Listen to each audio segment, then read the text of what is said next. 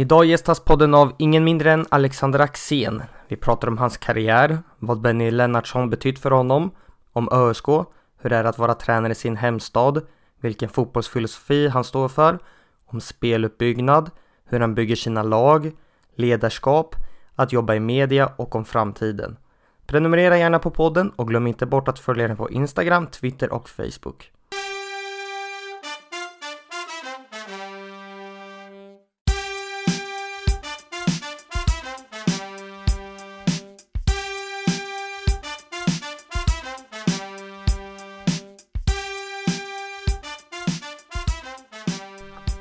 Välkommen till Möt fotbollstränarna, säger till Alexander Axén.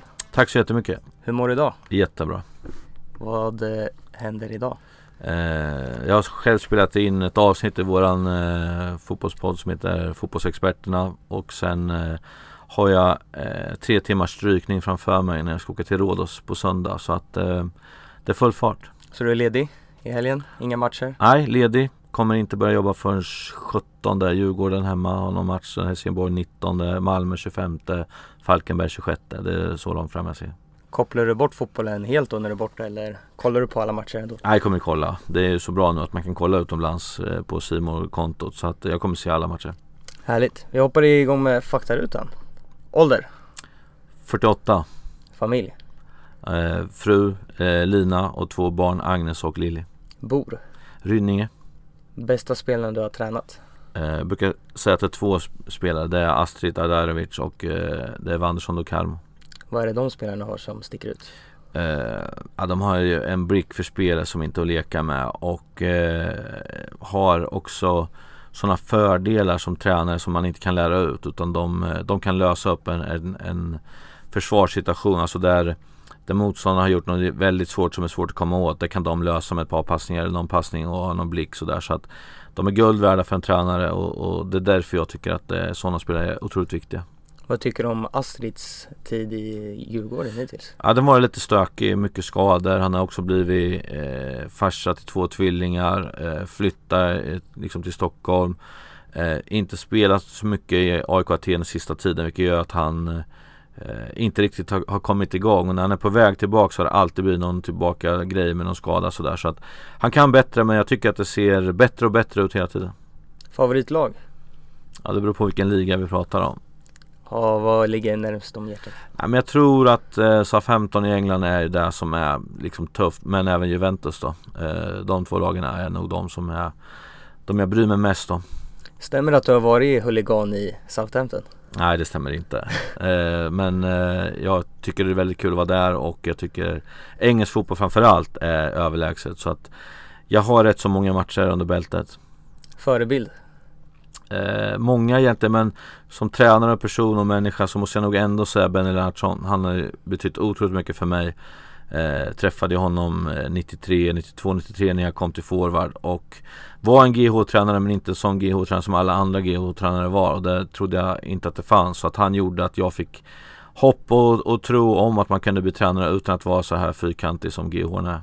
Vi kommer tillbaks till det lite senare. Naturgräs eller konstgräs?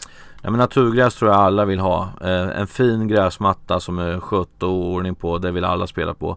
Men så måste man också vara realistisk. I Sverige klarar ju av det. Eh, tveksamt. Det är mycket kommunägda arenor. De vill ha massor med timmar på, på de sakerna. De kan inte ha som här till exempel Bern Arena i Örebro eh, för 30 matcher. 15 för Karlskrons damer och 15 för Öskås. Så står det mitt i, i stan. Det, då liksom, det går inte ihop ekonomiskt. Så jag fattar grejen. Men det är klart att alla vill ha gräs. Kostym eller träningsoverall på match? Ja, det är ingen fråga. Det är kostym. Vad gör du på match då? Eh, när man, I vissa lag har jag tränat på förmiddagen. Det tyckte jag var ganska skönt att få upp alla spelare och att man eh, sågs och kände lite på grejerna. Sen åkte jag hem och sov eh, 3-4 timmar och sen så åkte jag till samlingen och sen körde vi därifrån. När vi inte har tränat så är det ju en pina och det tar så lång tid. Alltid liksom dagen blir lång. Eh, så det var väldigt jobbigt tyckte jag. Men att eh, helst skulle jag vilja att man tränar lite. Favoritsyssla utanför fotboll? Eh, nej men det är ju sport det mesta, alltså som man vill hålla på och titta på och så vidare. Sen familjen drar ju inte in i det här för det är ju självklarheten, det är liksom där man jobbar med så det är ingen liksom syssla på det sättet. Utan man försöker vara så bra farsa man kan men, eh, men jag gillar att kolla på sport.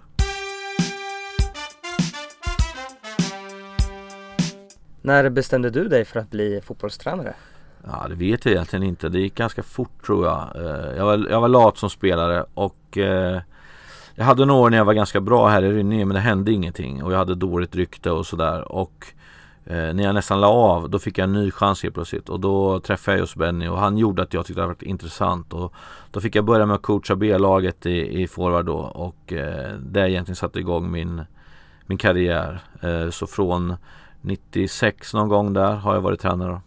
Du började ju Håsta i lägre division i Örebro. Vad var du för typ av tränare då? Idiot i början. Uh, ja, men jättelånga genomgångar. Eh, pratade engelska hela tiden, vi hade inte en utlänning. Eh, övertänd, liksom prioritera fel saker egentligen som man gör när man är ny. Man tycker man kan allt, man vet allt. Jag var 3-5-2 tränare som många unga är idag. Eh, possession-inriktad som många är idag. Det är därför jag är på dem hela tiden. Sluta med det där, kolla vad som är viktigt istället i fotboll och så. så att jag var ingen bra i början men jag hade en jättebra grupp som ville att jag skulle lyckas och att de var beredda att jobba hårt för det. Och vi utvecklades tillsammans och fick många av de spelarna att spela högre divisioner sen när de kom på att det var rätt så kul och att de var rätt så bra. Så de där tre åren var viktiga för mig och forma mig som, som ledare och, och så. Sen när jag kom till Rynninge efter det i sju år så förhoppningsvis blev jag bättre och bättre och det är väl där man hoppas hela tiden att man blir bättre varje år. Vad är det du har liksom tagit med dig från att jobba på lägre nivå till elitfotbollen? Ja men att jag inte stressade upp mig så mycket, det gjorde jag ju då. Det var ju liksom allt från att eh, materialen hade missat att packa ner några strumpor eller eh, något omklädningsrum som inte var bra så kunde jag brusa upp. Eh, helt otroligt. Men ju mer man var i den där divisionen så visste man att det hände alltid saker. Vilket gjorde att jag visste att jag kommer alltid vara ansiktet utåt. Så eh, hur jag uppträder så kommer mitt lag uppträda. Så lärde mig att bli lugnare och lugnare hela tiden och inte stressa upp mig. Fast jag kanske egentligen var helt galen så fick jag sända lugna signaler ut och sen fick jag när de gick ut ja, sparka och slå där inne.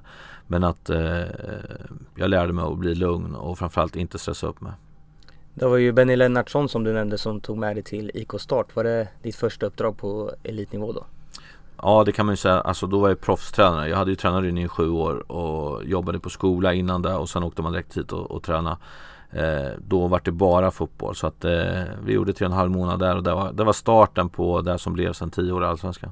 Ni hade en ganska tuff tid där, vad har, har det format dig på något sätt? Ja men vi kommer till ett lag som har eh, ingen vinst på 10 och vi ska möta Rosenborg första matchen hemma. De skulle åka och möta Valencia tre dagar senare så det är klart att det var ingen start, lätt start men vi vann med 2-1. Och eh, fick ju ganska bra sen. Vi hade, skulle jag säga, otroligt hårda marginaler mot oss. För de sista tre matcherna så behövde vi ta tre poäng som vi klara för kval. Vilket var jätteimponerande i så fall. Vi tar bara två poäng. Eh, men det var också så att det andra laget var tvungna att vinna alla tre matcher för att de skulle gå om oss då. Och det gjorde de. Vilket var helt otroligt. Så att eh, vi hade mycket som grinade mot oss där och eh, lärde sig mycket såklart. Det gjorde man ju men att eh, eh det, det är frågan om liksom vad ska man säga eh, det var så jävla stor apparat och sen ett sånt där klassiskt lag åka ur. Det var inga roliga scener så här efteråt. Man tyckte det var tråkigt och många spelare som var ledsna och grät och ledare och sådär. Så att det var inget bra avslut så. Men att det var otroligt lär lärorikt i alla fall.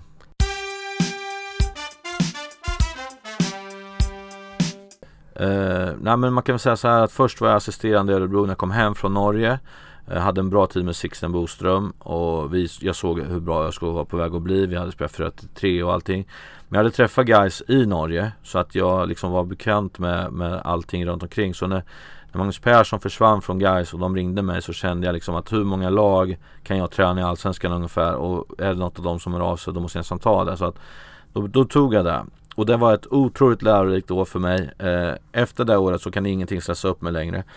Ja, man kan säga så här. Vi, vi startar alltså mot eh, Örgryte på Gamla Ullevi i premiär. Borta matchar vi då och vinner den matchen med 5-1 fast vi är riktigt utspelade. Eh, sen spelar vi mot Helsingborg hemma matchen efter det och då är vi skitbra och förlorar med 4-1.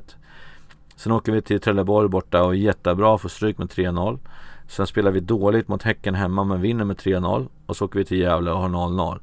Eh, då var det så här efter fem matcher, var, var står vi, vad är det, när vi spelar bra får vi storstryk, när vi spelar dåligt vinner vi. Och det liksom Det var mycket saker som hände under den här perioden. Och Jag kände väl inte riktigt att jag hade fått något grepp på själva spelarna eller laget sådär. Så att Vi hade en period där när vi inte var bra. Och det var också så att Jag kände att min assisterande eh, tränare Eh, gärna ville ha mitt jobb och eh, då kände jag att jag behövde hjälp och då ringde jag till Benny och han var sådär att jag skickade alltid matcherna till honom och sa att Nej men lugn nu, jag ser att det kommer vända när som helst. Om jag kommer, då kommer jag få all cred. Och jag har alltid varit så här prestigelös att jag skiter i det, bara vi vinner matcherna. Så när han kom eh, så fick jag eh, en lite mer, alltså jag har varit lite mer lugn och lite mer så sansad och, och vi kunde dela upp eh, saker som han jobbade mycket med fasta och jag fick fortsätta jobba med spelet och sådär. Så spelarna liksom märkte att jag blev mycket lugnare och sen gör vi en fantastisk höst därifrån. Eh, vilket gjorde då att jag fick eh, liksom ha jobbat igenom, det året kändes nästan som tre år. Eh, och jag lärde mig jättemycket om mig själv i det. Så att, Eh, Eh, det har jag haft jättestor nytta av resten av min karriär då. Allt det där när det går som, när det går som mest åt helvete. Det är då man lär sig mest egentligen. Eh, så att eh, det var, det var otroligt viktigt år för mig. För sen året efter när vi säljer i stort sett alla våra bästa så brukar jag säga att det är mitt bästa jobb som tränare. Det var att vi hängde kvar med guys. Vi gjorde 24 mål på 30 matcher. Vi hade inga forwards överhuvudtaget, inga anfallsspel. Och ändå hängde vi kvar utan kval gjorde ju då att vi hade byggt upp ett försvarsspel som var väldigt, väldigt bra. Så sen året därpå när vi fick tillbaks då Eva Andersson och mot Jossi kom i sista stund och vi började få med Mervan växte och helt otroligt. Basson Beng, vi gjorde massor med poäng. Då kom vi femma. Eh, men det är det året innan som bygger det till att vi kommer femma där. Och femma med guys som omsatte 29 miljoner. Det är så nära till SM-guld man kan komma. Det går inte att göra bättre tror jag. Eh, och det fick vi också lida för året efter där sen när vi alla trodde att vi var mycket bättre än vad vi var. Spelare, ledare, eh, styrelse, supportrar, allting. Och det gjorde att vi hamnade snett där på sommaren. Eh, jag fick inte in den spelartypen jag ville ha. Så att vi hade många matcher när vi var bra men vi saknade den här skyttekungen eller den som var snabb i djupled. Och det gjorde att mitt spel inte fungerade och jag ville ha in en, en ny sån. Eh, eller i alla fall en sån. Jag fick ingen eh, och då började man titta på mitt försvarsspel så de inte var riktigt bra. Då hade vi släppt in 16 mål på 14 matcher. Och jag liksom fattade ingenting vad de pratade om. Men de tog in Rolle Nilsson, jag slutade. Eh, och då släppte de in 46 mål på de 16 omgångar som fortsatte och de tog två poäng. Så att det kanske inte varit så bra som de trodde den styrelsen då. Men som sagt jag lärde mig otroligt mycket om, om mycket. så första året är alltid det tuffa året. Så är det bara. Rent spelmässigt, vad var det du ville få ut 2011 när ni kom femma?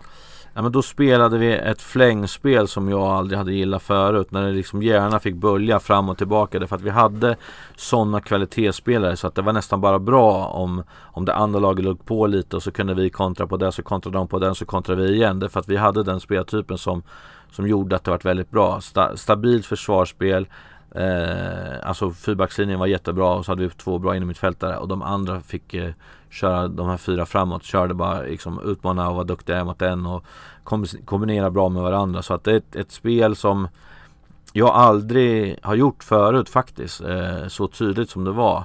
Det var en väldigt speciell spel spelargrupp och eh, eh 17 olika nationaliteter typ om man räknar ihop alla och eh, eh, väldigt speciellt år överhuvudtaget som gjorde att allt föll på, på, på liksom plats och vi var livsfarliga hela tiden. Vilket gjorde att ja, men jag kände väl att eh, jag kan inte hålla tillbaks de här. De måste, få, de måste få löpa. Det kommer kosta oss förluster ibland men det kommer ge oss vinster också. Så vi fick bort mycket kryss. Vi hade bara tre kryss hela året. Normalt har jag alltid varit svår att slå så man ligger mellan 10 och 12 kryss men det ger inte så mycket.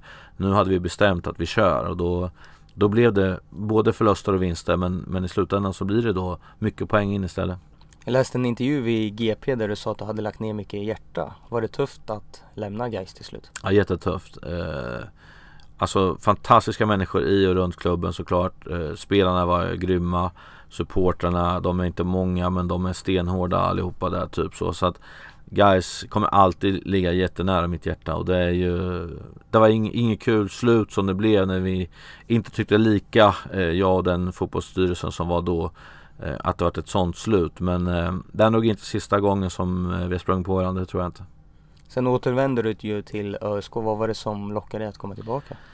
Eh, jag var lite tveksam vad jag ville göra eh, och P.O. Jung hade tagit över ÖSK på sommaren och vi hade gått samma tränarutbildning och då ville han att han och jag skulle köra ihop men då sa jag att det går inte men jag kan göra spelarutvecklare eh, och skulle jobba med unga spelare hur de skulle liksom komma ta nästa steg och sådär så att jag lurade på honom Axel, för han var ju forward då, så att han skulle jobba med, han kommer bli jättebra tränare så att de hittade varandra och jag var spelutvecklare så vi tre jobbade tillsammans nästan varje dag då. och Ehm, det var egentligen att jag ville känna efter lite vad jag vill göra då liksom och, och spelutvecklare var, är väldigt, väldigt kul. Så om liksom, föreningar förstod hur mycket man skulle kunna göra med sådana här saker och kunde betala för det så skulle det kunna ge otroligt mycket grejer. Men det blir ofta så att eh, en huvudtränare får jättemycket pengar och sen så går det ner så finns det inga pengar att utvi- liksom utbilda någon med. Men här finns det ju potential, otroligt potential på om du har en hyggligt bra akademi så skulle ju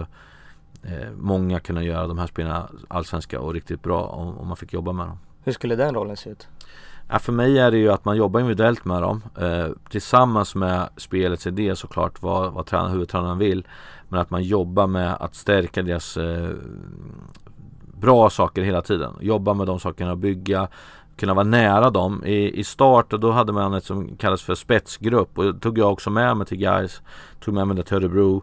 Eh, där man liksom hade, beroende på hur många talanger det är då. I, i, I, start var det fem stycken. Och då hade man en tränare som följde de fem. Liksom såg till att de fixade skolan. Såg till att han fixade träningarna. Att, att han var där och coachade när, man, när de var uppe och tränade med A-laget och även B-laget och coachade hela tiden. Det gjorde att de fick otrolig feedback och, och liksom att de verkligen kände sig sedda och, och behövda. Vilket gjorde att alla de där fem sen hamnade i u landslaget i Norge och hade bra karriär allihopa. Så att jag tror jättemycket på att det laget som vågar göra en sån grej, de kommer få jättestor utveckling.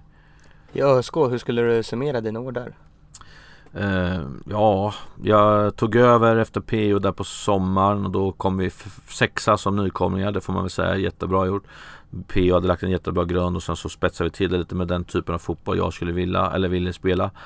Eh, en utmaning var det för att vi hade spelat mycket på session och jag ville att vi skulle gå snabbt i djupled. Så att stegra det där utan att få baksidor på, på alla spelare, det var en otrolig utmaning. Det är jag jättenöjd med att vi fick så få skador på ändå så pass stor förändring som vi gjorde. Eh, där tycker jag då att min rutin eh, som tränare kom fram. Just att jag visste att man kan inte gå från 0 till 100 utan vi smög upp det hela tiden. Sen, eh, sen kommer vi ju i stort sett eh, nia varje år och eh, eh det är alltid så att, att hur bedömer man en bra tränare? Jag tycker då att vi omsatte 11-12 i Allsvenskan så varje gång man kom bättre än det så tycker jag att man gjort ett bra jobb. Ehm, 2016 ligger vi trea på sommaren och måste sälja Jakob Rinne, eh, Crespo Camara, Daniel Gustafsson och Kalle Holmberg. Där säljer vi bort medalj. Eh, det kan jag säga helt ärligt att Eh, Eh, hade vi fått behållt det här laget så hade vi aldrig kommit sämre än trea. Det kan jag lova. Absolut inte sämre än fyra. Det är också en medalj nu för tiden. Men att det hade kunnat bli bättre. Men jag förstod ÖSK för det var utgående kontrakt och det var ett sätt att kunna få pengar. Eh, men det gjorde också att de andra spelarna tröttnade på eh, att vi alltid sålde bort de bästa. Och jag tror även publiken tröttnade på de sakerna. Så efter det sen så tappade vi Moberg, Broberg, eh, Björnqvist, eh, Råp, Astrid Eh, Nordmark och flera. Alltså du hör ju, det blir liksom allt det där vi hade byggt upp bara raseras. Så ska man börja om igen. Och där och då kände jag väl lite att jag var färdig.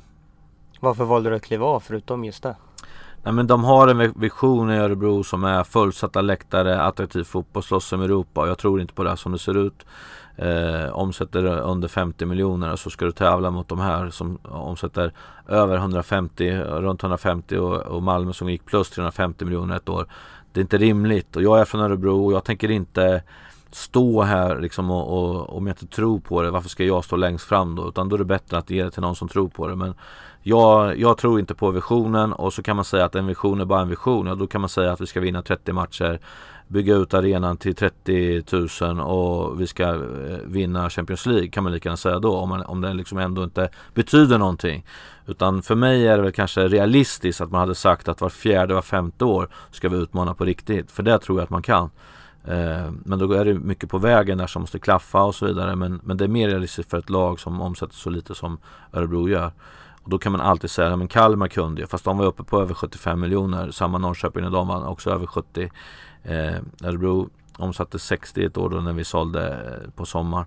Men sen har det ju alltid varit lite under 50 så varför ska de helt plötsligt få upp det? Det, där, det är en sak för ledningen såklart men eh, jag tycker att det går hand i hand ekonomi och det börjar vi se mer och mer i Allsvenskan nu. Att du kan nästan sätta Allsvenska toppen nu, vilka som har mest pengar. Sen kommer det till mitten och så kommer det till botten. Och, eh, tyvärr så är fotbollen så. Eh, då måste det vara bra på att hitta saker och då menar jag på att var fjärde, var femte år ska du kunna göra det med en perfekt eh, matchning och lite flyt.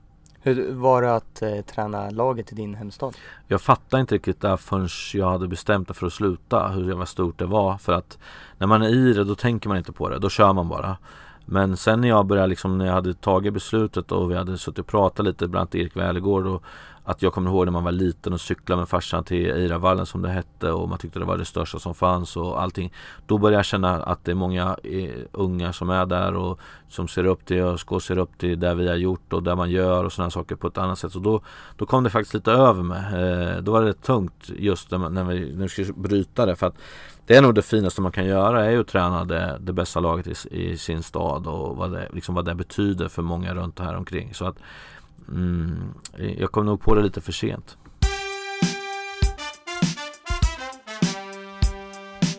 Vilken fotbollsfilosofi skulle du säga att du står för? en effektiv fotboll. Eh, jag vill, jag vill alltid göra mycket mål. Jag vill gå framåt, jag vill att det ska gå fort, jag vill slå ut lagdelar. Eh, jag vill att vi tar oss in till boxen så fort som möjligt. Eh, och att vi liksom, att det bygger på att, att hela tiden ska vi vara ett hot mot motståndarna. Eh, sen i försvar så gör det ingenting för mig att gå tillbaks lite och vara tight och, och sen ha lite omställningsspel på det. Liksom. Så att vi gjorde våra bästa matcher i Ösko så tycker jag nästan att vi låg på 45-47% bollinnehav. Då var vi nästan som farligast. Eh, så att eh, effektivt passningsspel är det jag vill ha, inte bara passningsspel. Rent praktiskt, hur ser det ut? Vill du att spelaren ska slå en djupledsboll till en forward så fort den löper eller? Om det går så ska vi göra det. Men eh, det är väldigt sällan det går. Eh, speciellt så måste du ta det till en spel ett eller två för att komma in bakom lättare. Om du är i backlinjen och ska hamna bakom en backlinje så kommer det aldrig hända för så dåliga försvarare finns inte. Eh, utan du måste ta dig igenom på olika metoder. Då. Och, Ehm, jag började ju mixa lite med där hur man skulle göra. PO hade gjort det i båten när man går ut lite som eh, italienaren kallas det också. Jag började med att vara kvar med tre för jag ville att vi skulle ha ett lite bättre försvar. Eh, vi hade Nordin framför och så sköt jag upp en ytterback och så hade vi ju eh, egentligen nästan fem eller sex spelare uppe i, i liksom närheten av deras backlinje. Eh, där vi byggde mycket på inspel därifrån och, och djupspel därifrån. Och så att, eh, jag har nog utvecklat hela tiden vad jag vill göra typ. Men att det ska gå fort och att vi ska vara effektiva genom att slå ut lagdelar. Det är inget snack om det. Men det, det är inte långbollar. Det är så fult att säga det nu. Men jag säger att jag tycker att en långboll är jättebra. Jag vet ju att, att som tränare spyr man på att när det blir en snabb boll bakom så springer igenom i mål. Det är det värsta målet man vill släppa in för det är så enkelt. Så kan man göra sådana mål så tycker jag det är perfekt. Men måste vi ha 200 passningar och avsluta med, med eh, en vägg på mållinjen och så sitter den. Ja då gör jag det också. Men jag vet att det ska kännas hela tiden som att det händer någonting. Eh, vi är underhållningsbranschen. Jag vill att det ska liksom kännas som att det hela tiden är nära och vi ska hela tiden kännas farliga liksom framåt. Det är mitt sätt att se på fotboll. Hur kom det sig att du har ändrat din filosofi från början där du mer ville spela en possession fotboll till den mm. mer raka nu? Jag skulle säga att man lär sig. Eh, vad är fotboll? Alltså, det är lätt att man sitter och beundrar eh, Guardiola, vilket jag också gör. Det är fantastisk fotboll och när han hade Barcelona och man sa liksom efter ett tag att det var så tråkigt att titta på dem. Det är ju för att de var så jävla bra. Det är ju så det är. Men så måste du också tänka på vem är du och vad är du? Jag menar när han inte lyckas i Premier League då köpte han en målvakt och tre spelare för tre miljarder för att lyckas. Jag tror inte att det kommer hända i Svenskan att, att någon kommer kunna köpa in för det. Utan man får titta lite, vad har vi, hur fungerar det här landet? För att svensk fotboll och engelsk fotboll och norsk fotboll och dansk fotboll och italiensk fotboll. Alla har ju lite olika nischer om man säger. Så du måste också titta på vad är eh, vad, hur, hur liksom, vad är effektivast i det här landet? Och tittar man på Sverige nu så, så går det mer och mer mot possession men du ser också att det blir mindre och mindre publik som tittar. Det går inte att gömma sig bakom det. Folk tycker det är tråkigt att, att det går så långsamt och man börjar om hela tiden och man ska bryta ner och, och sen så är det 5-3-2 i, i försvarsspel och så, så vinner det här laget bollen ja då springer andra laget tillbaka och ställer sig så och så bollar man hela tiden. Det har blivit lite så att det är vissa lag som har tappat otroligt mycket publik. Därför är det extremt kul att se att Hammarby lyckas så bra tycker jag. Eh, som kör vanlig 4-4-2 men kör otroligt frejdigt framåt med varierat passningsspel och så tycker jag att de är överlägset eh, roligaste anfallsspelet i hela Allsvenskan. Så att eh, det kommer alltid gå i trender, det kommer alltid gå upp och ner. Men jag hoppas att, att många tittar på Hammarby nu och försöker ta efter det. När du bygger dina lag har du alltid en grundtanke eller vill du anpassa det också till spelmaterialet som finns? Ja, för mig är det viktigt att spelmaterialet eh, bestämmer mycket. Eh, det är klart att du har en grund alltid men, men det är ändå så att Uh, om, om spelar, alltså typerna gör att jag måste ändra lite så kommer jag naturligtvis göra det. Jag kommer inte till exempel ha en jättebra spelare på bänken bara för att det inte funkar i mitt system. Så jag är lite mer efter uh, spelarna än vad jag är för, för material, alltså för uh, formationen. och sen är det ju att det, får, det fattar alla att man kan inte ha 11 jättebra offensiva spelare utan man måste hitta en mix i det där såklart. Men det är ändå så att Eh, har jag två jättebra yttrar som är otroligt bra på att ta sig, eh, liksom dribbla igenom så försöker jag nog hitta någon form av kanske 4-3 med, med breda yttrar som dribblar så. Eh, istället för att man har en på bänken och en som får spela och så har man något annat system bara för att inte det passar in. Så att jag är lite mer att jag kan vara lite mer flexibel med, med spela materialet och det är det jag menar är också flexi det flexibla med att kunna ändra är ju egentligen din trupps eh, eh, spelare. Därför att du kan ju låtsas sitta och, och ändra formationer. Men om inte spelartyperna passar in i de formationerna då kommer du ingenstans. Eh, utan det handlar ju om egenskaperna spelarna har. Det gör ju sen systemet. Att ändra, hur mycket brukar du ändra utifrån din motståndare? Ja, jag måste nog säga att jag eh, gör väldigt sällan. Jag, jag vill att man ska tro på det man gör. Jag vill att man ska tro på där vi tränar på och, och försöka göra så mycket som möjligt. Sen är man ibland i underläge att man måste anpassa sig efter vad motståndarna gör. Men jag tror också att, eh, att spelarna känner en trygghet i att hellre göra det man alltid gör så ofta så mycket alltså som möjligt än att man eh, ändrar varje gång. Ungefär som att vi inte är tillräckligt bra så nu måste vi göra så här för nu kommer de och sen kommer de här, de gör så här, då måste vi göra så här. Jag tror att det passar inte riktigt eh, Sverige. Men om man ska möta Falkenberg hemma ena matchen och nästa Malmö borta, skiljer sig då träningsveckorna? Mm. Ja, jag, för mig gjorde det inte det, men jag hade nog behövt gjort det ibland kanske. Men att det är ju så att eh, man kan säga så här att eh, om jag, om jag någonstans bara väljer att spela på mitt sätt då så kommer det, då kommer det kanske se Det kommer inte se likadant ut, det kan vi komma överens om mot Falkenberg och mot Malmö. Men man har en grund på något sätt ändå. Sen kan det vara, det får inte skiljas för mycket men det kan också vara så att Eh, vi kommer kanske ha mer boll mot Falkenberg därför att Falkenberg vill det. Och då är det ju så här, vad gör vi med den då? Hur ska vi göra då? Och sen mot Malmö när vi åker så, så får vi att ah, då kommer de förmodligen ha mer boll. Och det, de procenterna vi får liksom ha bollen, vad gör vi då? Så det är mer de sakerna jag, jag tänker på mer än att massa ändringar på formationer eller ehm, eh, kanske byta spelartyper för, eller liksom för att vi, nu blir det bara försvar, nu kör vi fembackslinje och sen kör vi fyra och bara stänger ner. Jag är inte riktigt sån utan då är jag mer sådär de kanske kommer ha bollen 60% vi har 40 Vad gör vi av de 40? Vart har de sina hål? Vad är det vi ska, vart vill vi vinna bollen? Om vi vinner bollen, hur gör vi då? Och så slår vi till på sådana saker. Det kan vara en sak man trycker på. Och mot Falkenberg så kanske det är så att ja, kanske vi har 60% Vad gör vi av de 60%? Men vad gör vi också av när de har 40% Vad kommer de försöka göra? Hur ska vi spela defensivt i offensiven? Eh, och sådana här saker så att, Men mycket är för mig att det är ungefär samma Hur ser du på speluppbyggnad? Ja det är ju tröttsamt nu att många lägger så mycket, mycket kraft på det. Därför att för mig är det ju Om vi möter en forward, två forward eller tre forward Så ska man enkelt kunna säga bara hur man ska göra för man kommer vara övertal så då måste man kunna spela sig förbi. Det är sen utmaningen börjar för mig. Men nu känns det som att det är många som lägger ner så otroligt mycket kraft på det där.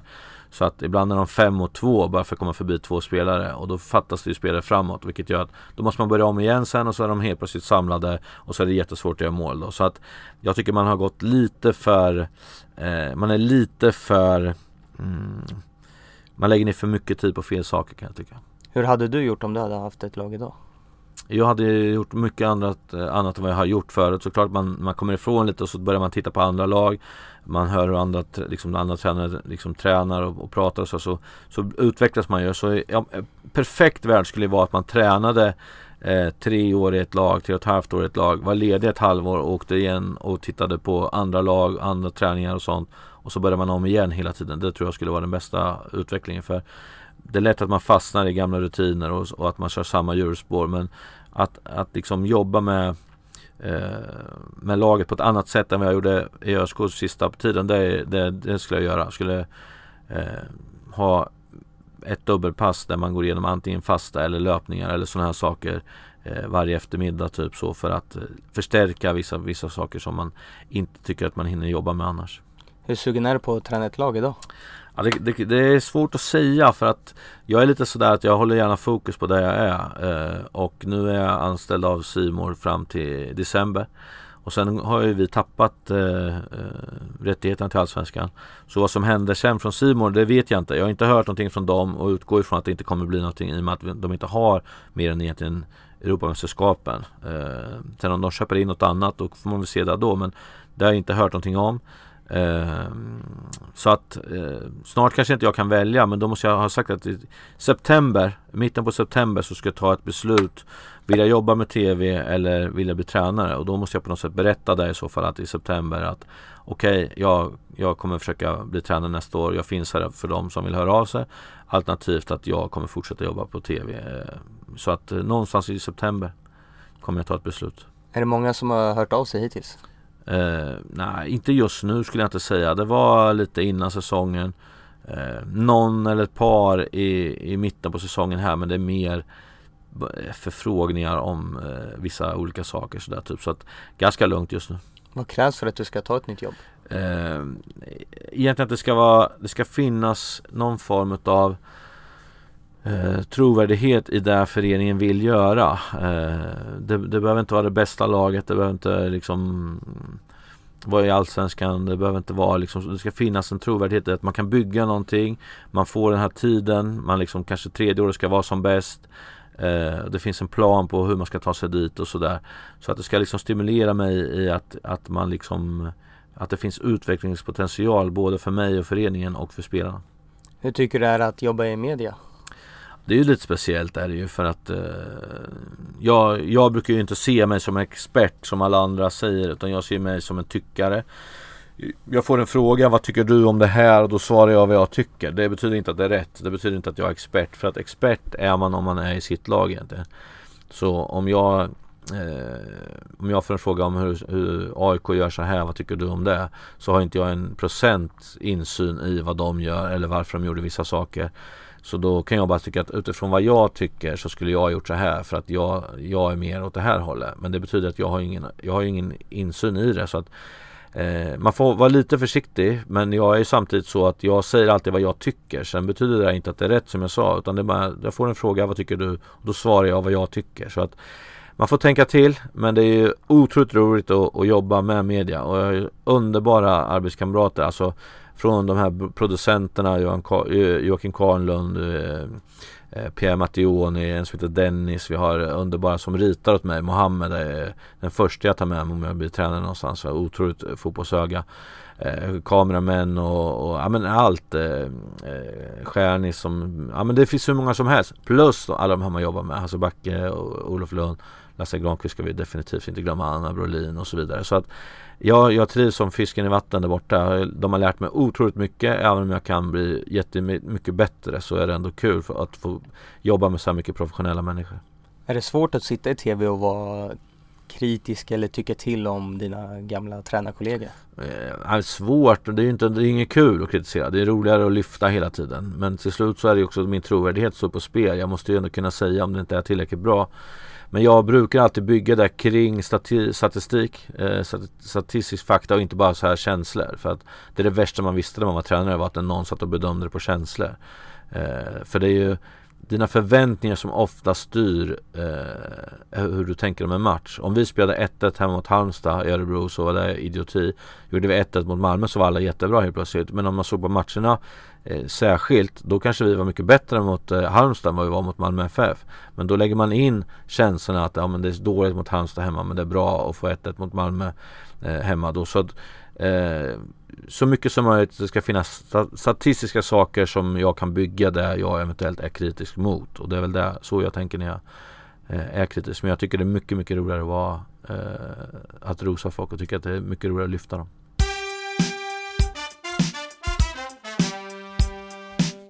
Hur viktigt är en fotbollstränares ledarskap? Eh, jag skulle säga att eh, ledarskapet är nästan allt. Eh, det är många som tror att det är taktiken och allt det där men jag säger att det har ingen som helst betydelse om du tar med dig i gruppen. Du kan hålla på och vara hur duktig som helst och stå där framme och visa 2000 klipp och berätta om allting och de bara sitter och snarkar och tycker att det är fan inte värt någonting. Då är det ingenting. Sen kan du komma in och bara skrika och skratta och ha jättekul och så tycker spelarna att det är jätteroligt och då är det bra.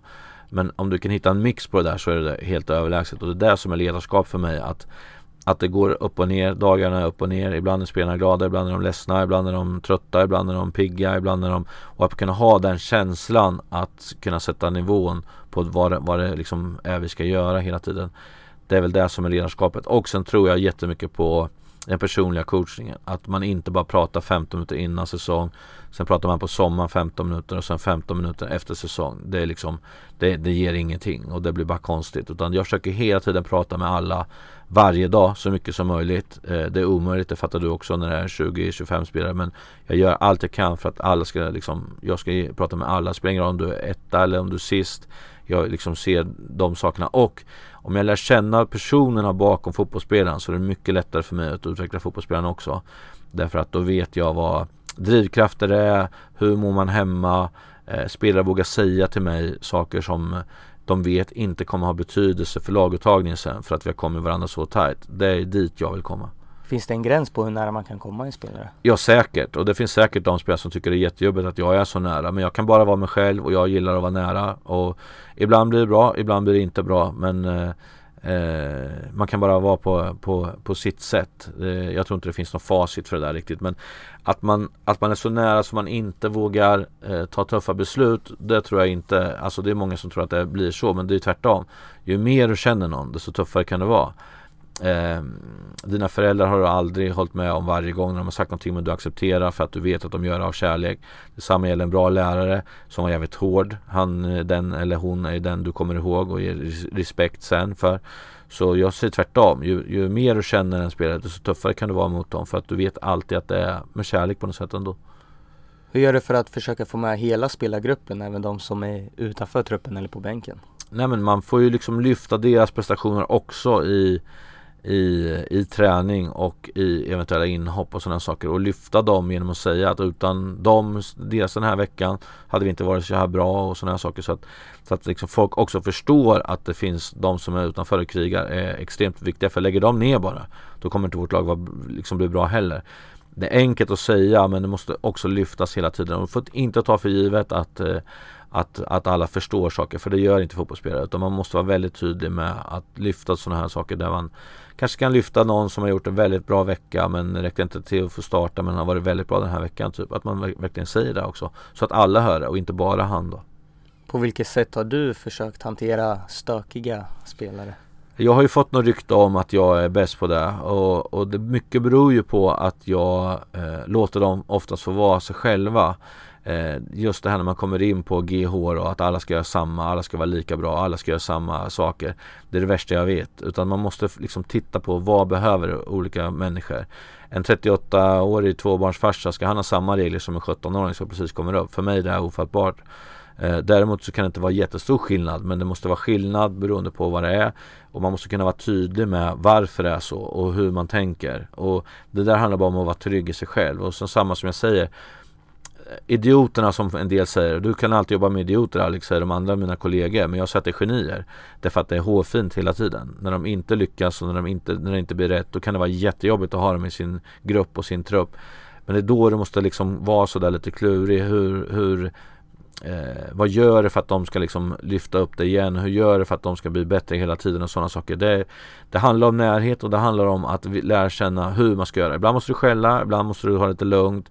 Ibland ska du lyfta inför alla, ibland måste du skälla inför alla, ibland måste du göra olika saker. Så det, där, det handlar om att lära känna bara men du, det är liksom för mig att gå in i ett omklädningsrum med bara välkammade killar, då hade jag slutat direkt.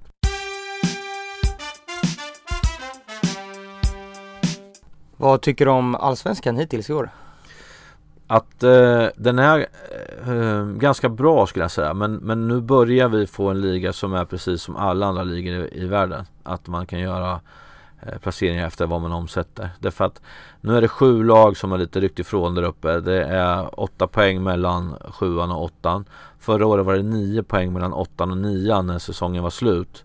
Eh, och det är otroligt mycket om man ser till just mittenskiktet där då. Så att eh, det vi har nu egentligen är sju eh, topplag kan man säga då.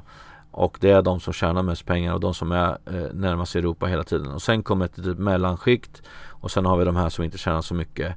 Eh, och det, det kommer bli jättetufft där för mittenspel, liksom, om de tror att ja, nu är vi klara. För att det blir alltid så att bottenlagen vinner till slut. Och det känns som Falkenberg har eh, potential att kunna skrälla mycket där hemma. AFC vet vi har gjort bra förut men det verkar vara lite rörigt där borta nu så, så nu vet jag inte riktigt eh, hur det ska bli men de har kapacitet, absolut. Sundsvall som jag varnade för jättemycket att det skulle bli dåligt år har jag också fått rätt på. De ligger där nere. Kalmar har också otroligt svårt att göra mål. Det betyder att de har svårt att vinna matcher. Expected goals så ligger de ju långt efter mot vad de borde ha gjort. Men när man inte har en målskytt då är du illa ute på en gång sådär. Så att Eh, jag tycker att är, det är alltid roligt att jobba med Allsvenskan. Eh, eh, men det har varit eh, bra matcher och lite mindre bra matcher. Men det är alltid så egentligen. Och nu går vi snart in de sista tio och då, då kommer det koka där ute. Så att då är det grymt att jobba och få känna på allting och lukten och spelarna tar på allt där ute. Det är grymt alltså. Vad har du fastnat för rent taktiskt?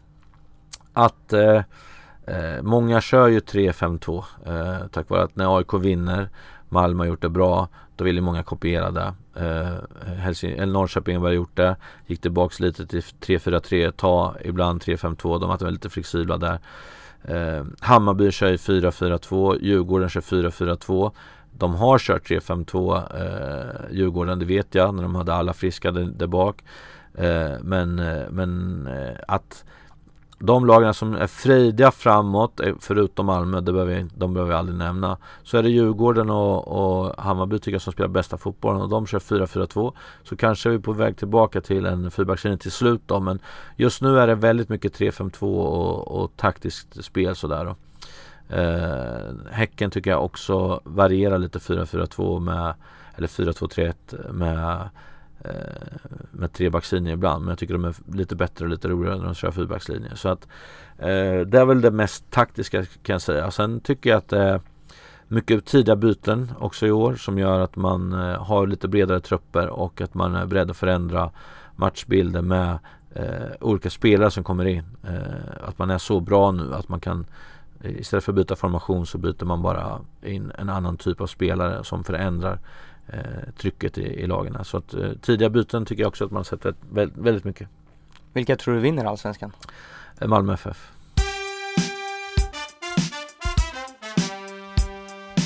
Vi har fått en hel del lyssnarfrågor, det är faktiskt rekord. Så vi kör igång med dem. Vilka i Superettan ser du ut för Allsvenskan och vilka hoppas du på går upp?